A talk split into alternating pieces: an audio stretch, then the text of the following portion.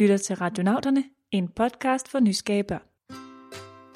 Mit navn er Karen. Og mit navn er Lisa.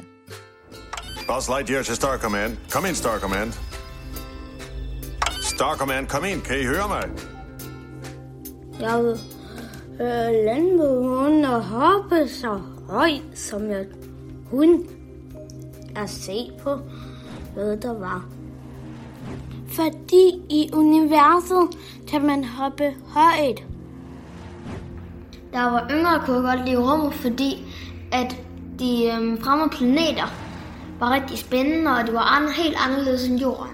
Men nu kan jeg godt lide rummet, fordi man ved så lidt om den, og det er mega spændende, synes jeg. I dag skal vi vende vores kikkerter ud i rummet, op mod alle stjernerne, ud mod universet. Universet, som er så ubegribeligt stort, at et afsnit af Radionauterne altså slet ikke er nok.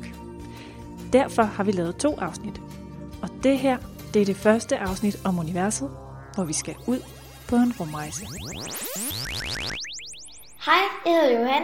Jeg er 8 år. Jeg bor i Aarhus. Mit spørgsmål er, hvad er der ude i rummet?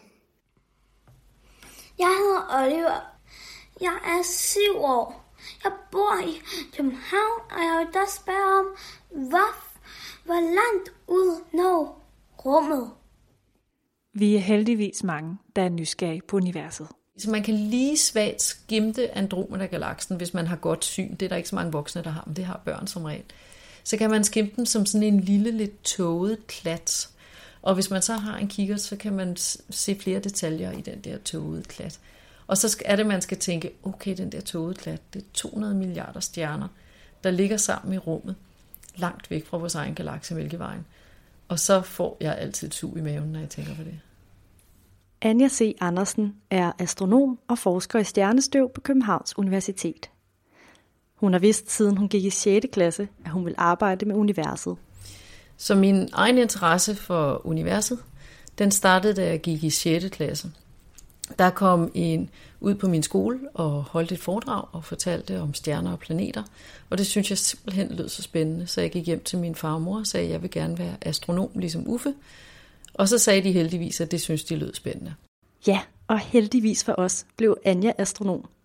For som astronom kan hun gennem store kikkerter, kaldet teleskoper, se ud i verdensrummet.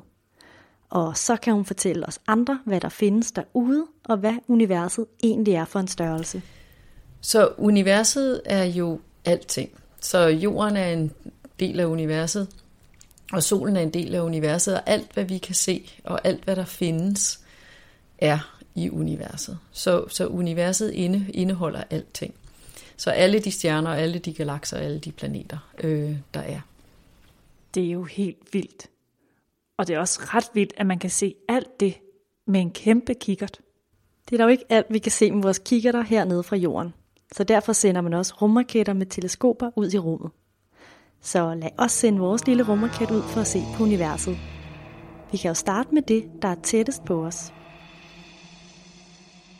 Der har vi vores egen stjerne, solen, og rundt om den alle planeterne i vores solsystem.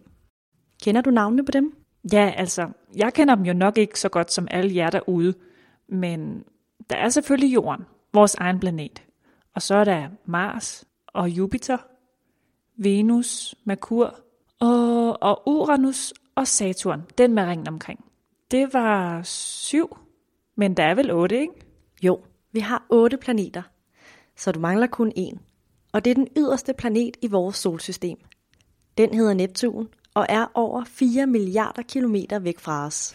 Øh, og så på den anden side af Neptun, så har vi så en hel masse små planeter igen, så der har vi blandt andet Pluto og Makemake og Iris, som er sådan lidt større. Og så endnu længere ud igen, der ligger så øh, det, vi kalder kometerne, som er sådan nogle store snavsede isbjerge, der svæver rundt derude. Ude på den anden side af kometbæltet, der ligger så øh, de andre stjerner, øh, som vores egen galakse Mælkevejen består af. En galakse er en klump af stjerner i universet. Den galakse, vi bor i, hedder Mælkevejen, fordi når det er rigtig stjerneklart, så kan man se sådan et helt lyst bælte af stjerner over himlen. Det kunne godt lidt ligne en vej lavet mælk, men det er altså bare alle de stjerner, som bor i vores galakse, man kan se. Og her er solen bare en ud af de 200 milliarder stjerner, som bor i Mælkevejen. Så det vil altså sige, at vores solsystem med jorden, solen og alle planeterne er en del af vores galakse, Mælkevejen, som har over 200 milliarder af stjerner. Og når vi så kigger ud af vores galakse, så kan vi så se, at der er milliarder af milliarder andre galakser. Og der er det sådan, at sådan groft sagt, så 75 procent af de galakser, vi kan se, de minder om vores egen galakse. Så det er sådan nogle, der består af de der 200 milliarder stjerner, sammen med noget øh, gas og støv i sådan en flad skive. Og så de resterende galakser, de er sådan lidt mere runde i det, og består kun af stjerner, så der er ikke noget stjernestøv. Så, øh, så det er simpelthen, hvad vi kan se, hvad der er i universet. Vi kan altså se enormt mange galakser fyldt med stjerner i. Så du kan nok se, at det bliver til rigtig, rigtig mange stjerner ude i universet. Der er helt utrolig mange stjerner. Og så her de sidste 20 år er det lykkedes os at finde planeter omkring nogle af de stjerner, der er tættest på, på solen. Øh, fordi vi har fået bedre og bedre kikkerter, så nu kan vi faktisk øh, se, at ikke nok med stjernerne, som jo er store og lyser rigtig meget, så er der også nogle små bitte planeter omkring de her stjerner. Så nu tænker vi, gå videre om der ikke er planeter omkring alle stjernerne. Så hvis alle stjernerne har en eller flere planeter, så bliver det jo til rigtig mange planeter bare i vores egen galakse. Og det er altså noget helt nyt, at man har fundet planeter omkring andre stjerner end solen. Da din mor og far var børn, der havde man ikke fundet andre planeter end dem, der er i vores eget solsystem. Og hvis vi går endnu længere tilbage i tiden, så vidste man i det hele taget ikke særlig meget om, hvad der var derude i rummet.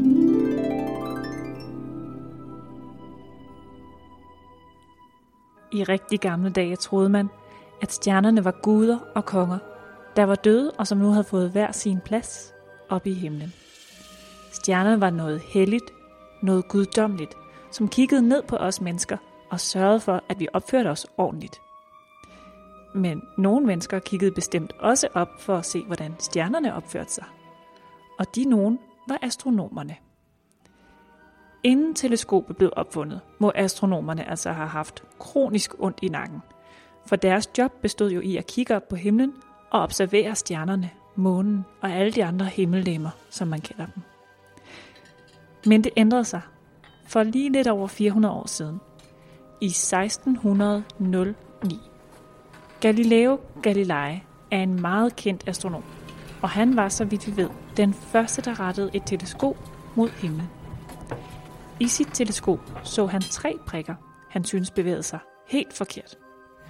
Først troede han, at det var stjerner, men senere fandt han ud af, at det var en slags planeter, som kredsede omkring Jupiter. Det var Jupiters måner, som han havde opdaget. Ved at se med sit teleskop ud i rummet, opdagede han også, at vores måne har bjerge, og at solen har pletter. Galileis opdagelser gjorde mennesket endnu mere interesseret i, hvad man mere kunne finde derude i universet. Og derfor begyndte man altså at bygge større og bedre teleskoper, som man kunne se ud i rummet med. Og i dag har man så gode teleskoper, at man kan udforske universet langt uden for vores egen solsystem, hvor man finder nye planeter hver eneste uge. I sidste uge fandt man for eksempel 16 nye planeter.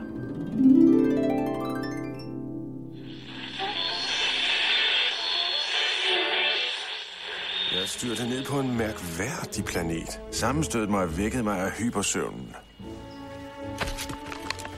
Terrænet virker lidt ustabilt. Ingen melding om, hvorvidt luften kan indåndes, og der er ingen synlige tegn på intelligent liv nogen steder. Halløj! Jeg ved ikke helt, om der er liv. Der er stor sandsynlighed for det, men man ved det ikke endnu. Jeg tror, at der godt kunne opstå liv. Men jeg har jo fundet beviser på, at der, der er vand på Mars. Der har været vand på Mars. Vi ved altså, at vi har milliarder af stjerner og tusindvis af planeter i universet. Men hvad med rumvæsener eller andre former for liv? Findes det andre steder i universet end lige her på jorden, hvor vi bor? Vi ved jo i hvert fald, der er liv på jorden, og det er jo faktisk det eneste, vi ved, det er, at der er liv på jorden. Så har vi nogle teorier om, at der måske har, har været mulighed for, at der kan have været liv på Mars. Dengang Mars var lidt varmere og vådere, end den er i dag. Så der har vi små Mars-biler, der kører rundt op på Mars, for at finde ud af, kan de finde spor af uddødt liv på Mars, så vi kan se, om der har været liv. Og en af de ting, vi mener, der er vigtigt for, at man kan have liv, det er faktisk flydende vand. Man mener nemlig, at liv, altså både planter og dyr og også små bakterier, er opstået i vand. Sådan god lunken vand. Planeten, hvor liv skal kunne opstå, skal hverken være for varm eller for kold. Men selvom forskerne finder nye planeter, er det altså endnu ikke lykkedes at finde liv derude. Så vi ved ikke, om der er liv andre steder personligt, men det står helt for min egen regning. Så jeg er altså overbevist om, at der må være liv rigtig mange steder, fordi der er noget, der tyder på, at der er rigtig mange planeter. Der er rigtig mange af dem, som på mange måder minder om jorden.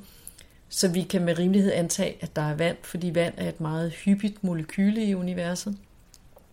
Og hvis der er en jordklode med vand, og der opstod liv på jorden, hvorfor skulle der så ikke opstå liv alle mulige andre steder? Hvad nat, når alt er stille, ser jeg op på himlen. Jeg føler mig lidt lille. Hvad er der mund derude i det store rum? Det vil jeg ud og finde ud af. Måske et rumvæsen, så vil jeg kysse det på næsen og tage med på et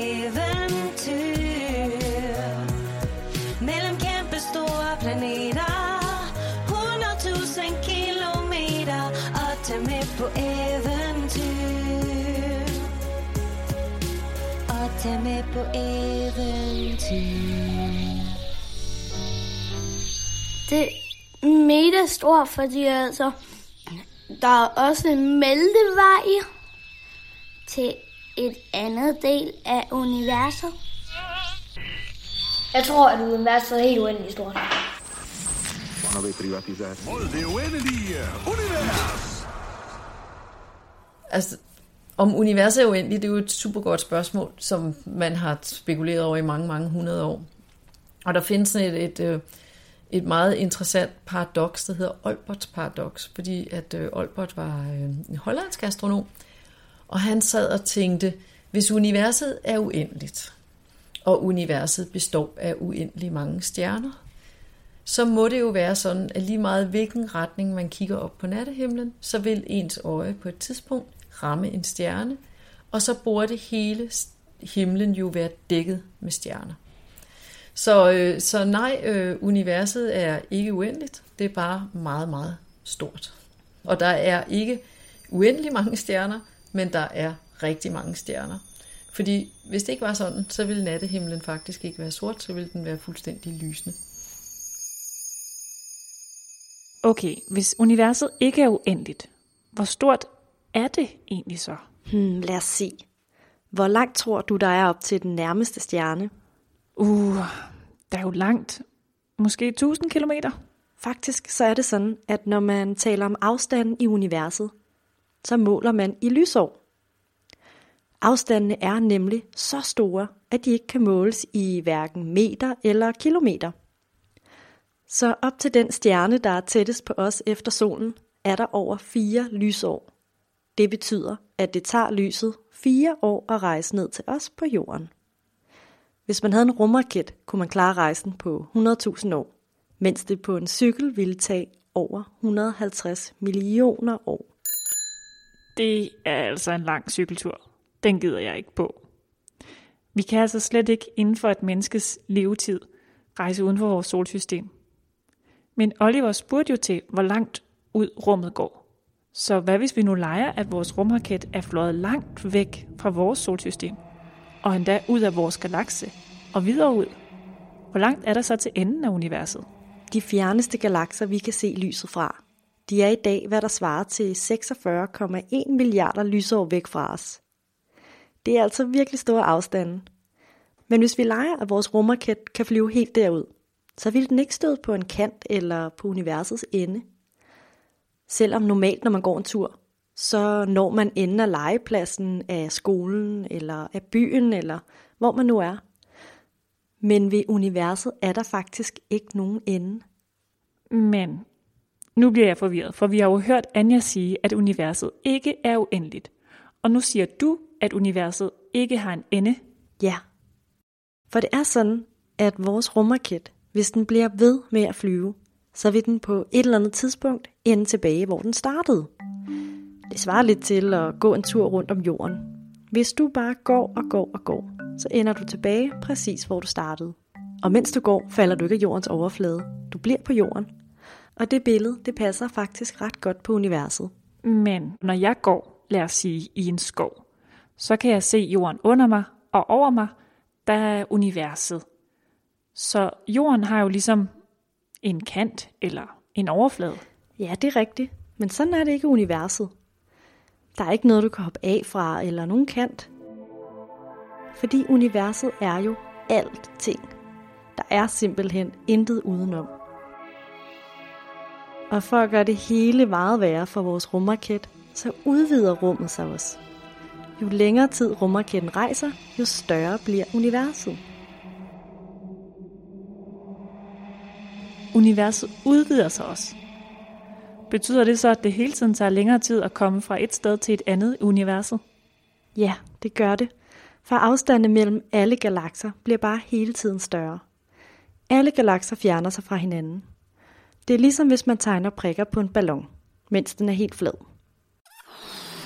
Og når man så puster den op, kommer alle prikkerne længere og længere fra hinanden. I kan jo selv prøve det derhjemme. Det er det samme, der sker i universet. Okay, så universet er helt enormt stort i forvejen, men bliver bare endnu større hele tiden. Og universet er alting, og der er ikke noget rundt om.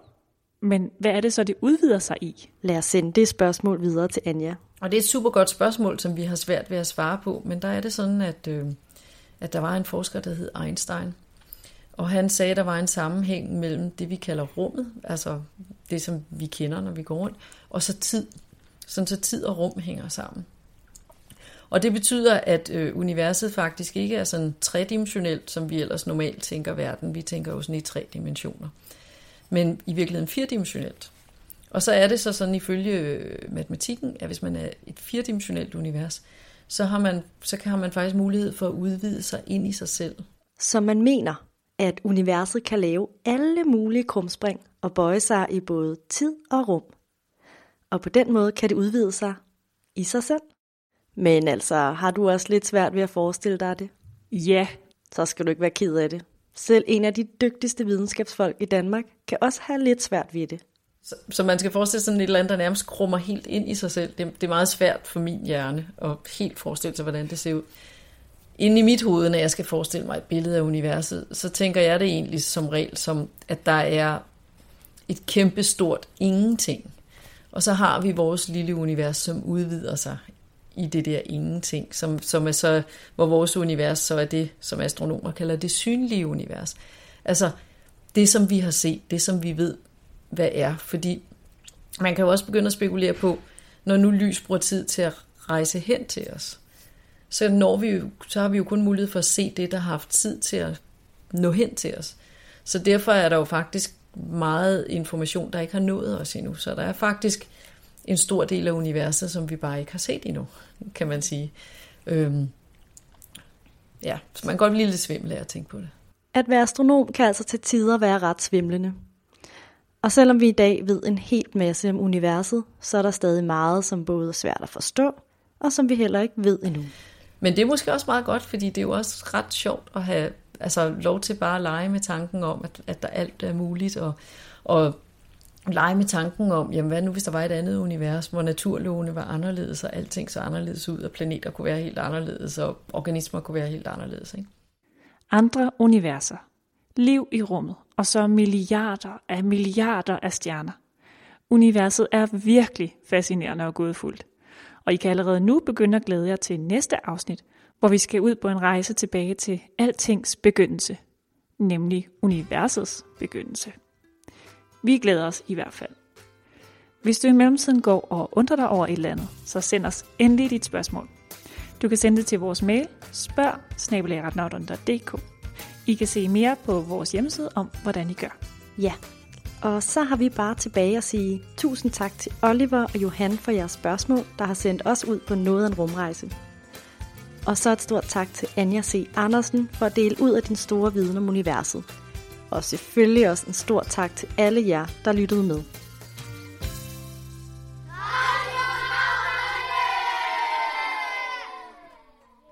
Afsnittet er produceret og redigeret af Karen Birkegaard og Lisa Bay med støtte fra Novo Nordisk Fonden.